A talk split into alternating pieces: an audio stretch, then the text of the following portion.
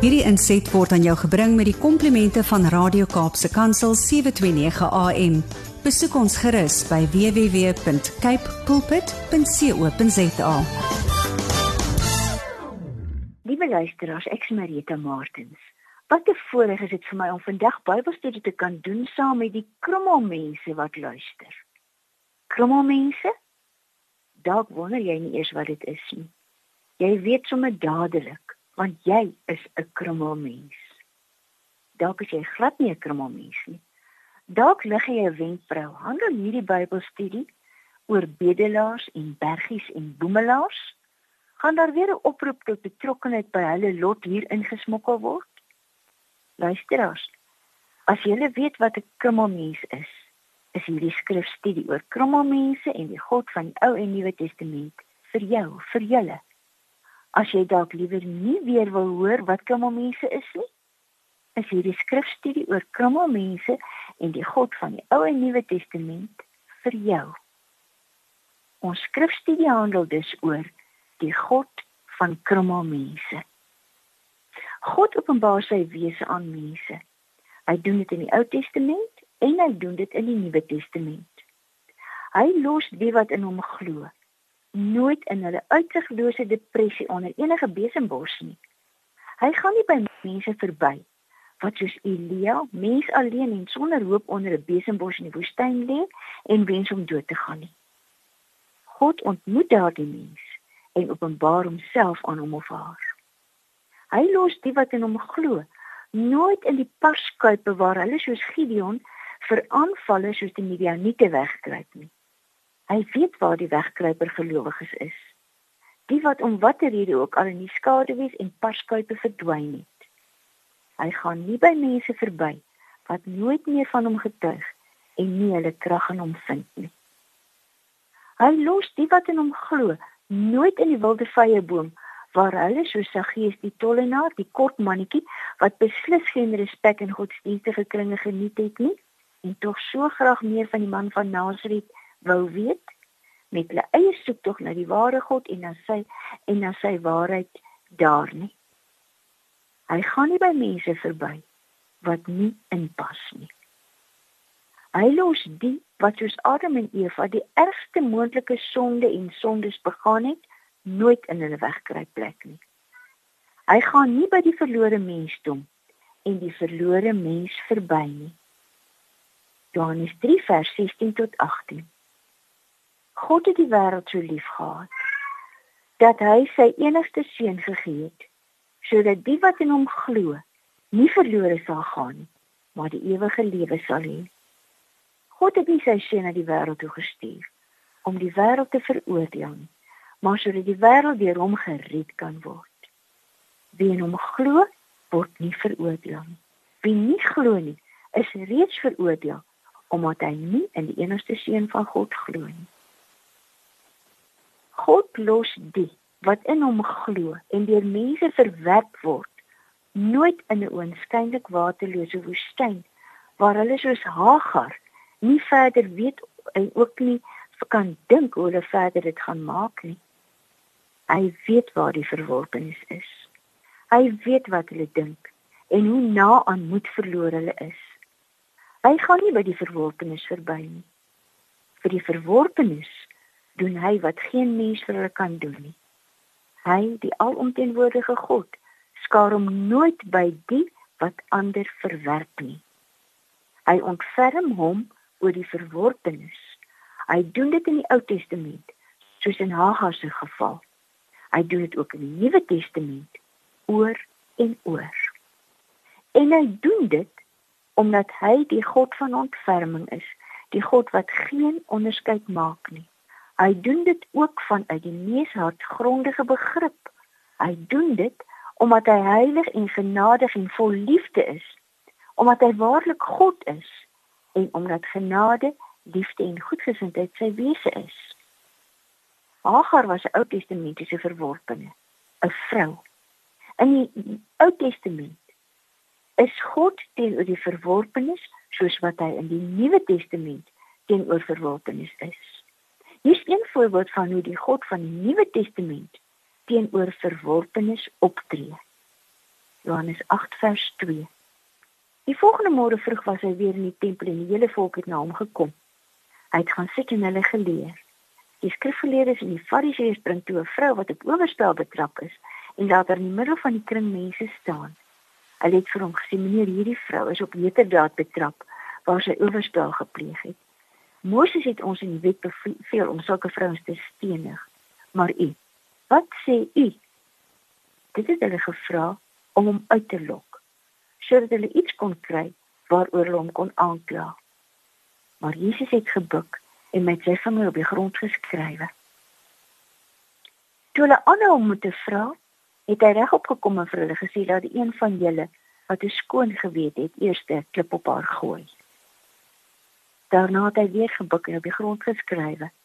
Toe hulle hoor wat hy sê, het hulle een vir een weggeloop die familiehoofde eerste. Jesus is alleen agtergelaat saam met die vrou daar in die middel van die kring mense. Toe hy regop gekom en vir haar gevra: "Mevrou, waar is hulle?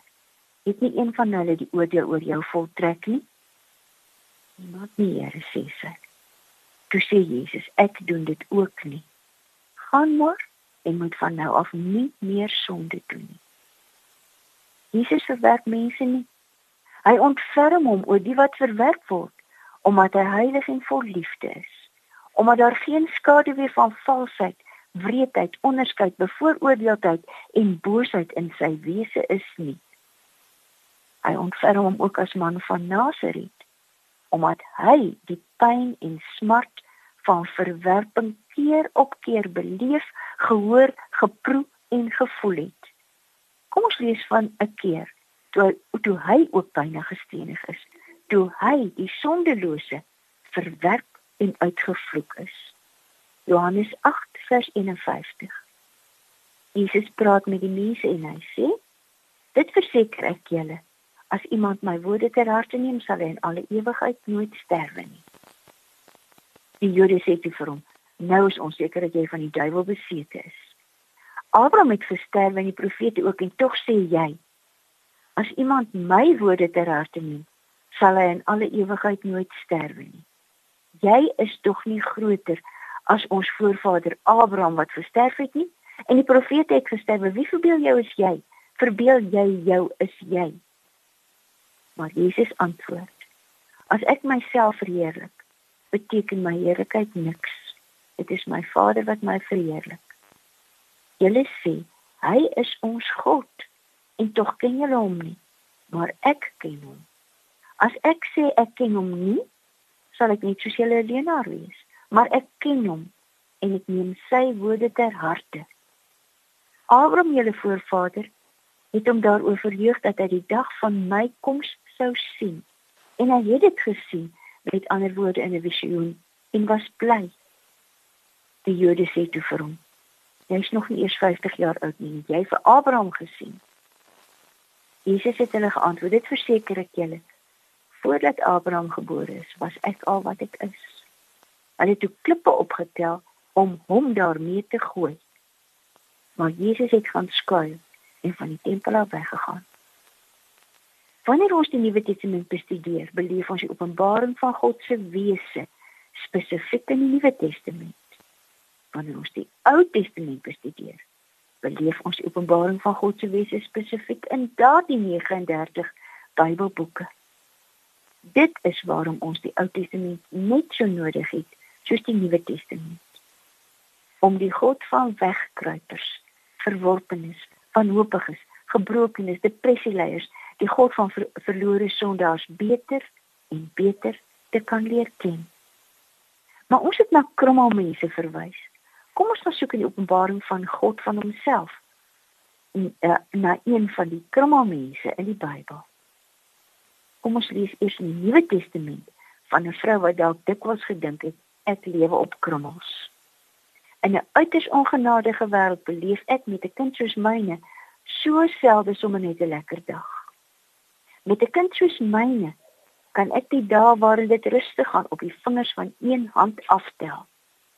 Met 'n kind soos myne kry ek min kuiermense, mense vermy ons. Met 'n kind soos myne het ek al jare lank die nagte omgebid nou bid ek amper nie meer nie want dit help nie tog nie Niks verander nie, niks draai nie. Met 'n kind soos myne, wil ek dit van radeloosheid uitskreeu. Ek wil hardop huil, maar kan nie meer huil nie. My energie, my hoop en my trane het opgedroog. Maar Jesus kom verby. En skielik skreeu die vrou wat sekerlik gedink het, ek leef op krummels. Matteus 15 vers 21. Jesus het daarvan weggegaan en na die streke van Tyrus en Sidon toe vertrek. 'n Kanaanitiese vrou wat in daardie gebied gewoon het, het onverwags by hom aangekom. Het aanhoudend geroep: "Ontferm U oor my, Here, seun van Dawid. My dogter is in die mag van 'n bose gees en dit gaan sleg." Jesus kom verby. En skielik skreeu die vrou wat sekerlik gedink het: "Ek leef op krummels." Sy skreeu, sy huil, sy gil haar nood uit, die smart van haar krummel lewe. Maar hy ant hy het daar niks geantwoord nie. Staan in Matteus 15 vers 23. Sy disippels kom te by hom en, en vra: "Stuur haar weg, want sy hou aan met skreeu hier agter ons aan." Jesus antwoord: "Ek het net na die verlore skape van die volk Israel, met ander woorde, nie na die Kanaaniete en heidene nie, nie ek is net na hulle toe gestuur. Jesus kom verby. Hy bly net stil. Hy vra nie eers verder uit nie. En sy disippels word soos al die ander mense wat haar en haar kind nie kan akkommodeer nie. Hulle sê Jesus moet die heidenvrou uit die pad kry. En Jesus en God, hy wat sê dat hy die seun van die lewende God is, wat sê hy? Jesus antwoord: Ek is en hier sit ek dit in hakies vir my bediening net na die verlore skape van die volk Israel, met ander woorde nie na die Kanaaniete toe nie, gestuur. Is hy besig om net almal van haar af weg te draai? Het hy nie eers een krummel van genade vir haar, die Kanaanietiese vrou nie? Is hy nie eers een krummel van sy goddelike goedheid werd nie? Maar sy besluit en dit is die Heilige Gees van die lewende God wat hierdie Kanaanietiese krummelvrou soos 'n drenkeling aan Jesus laat vasgryp. Dit is die Gees wat in haar werk sodat sy die Kanaaniet soos die Israeliet Jakob van wie in die Ou Testament vertel word, weier om God te laat los. Ek sal u nie laat gaan tensy u my sien.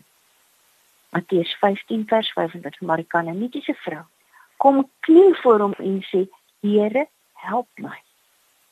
Matteus 15 vers 26 hy sê vir haar dis nie mooi om die kinders met ander die Israeliete die verbondsvolk se brood te vat en vir die hondjies te gooi. Jesus begin met die krommelvrou praat. Hy ontlok die verwoording van 'n besluit, 'n oortuiging, haar geloof in die ware God uit haar binneste.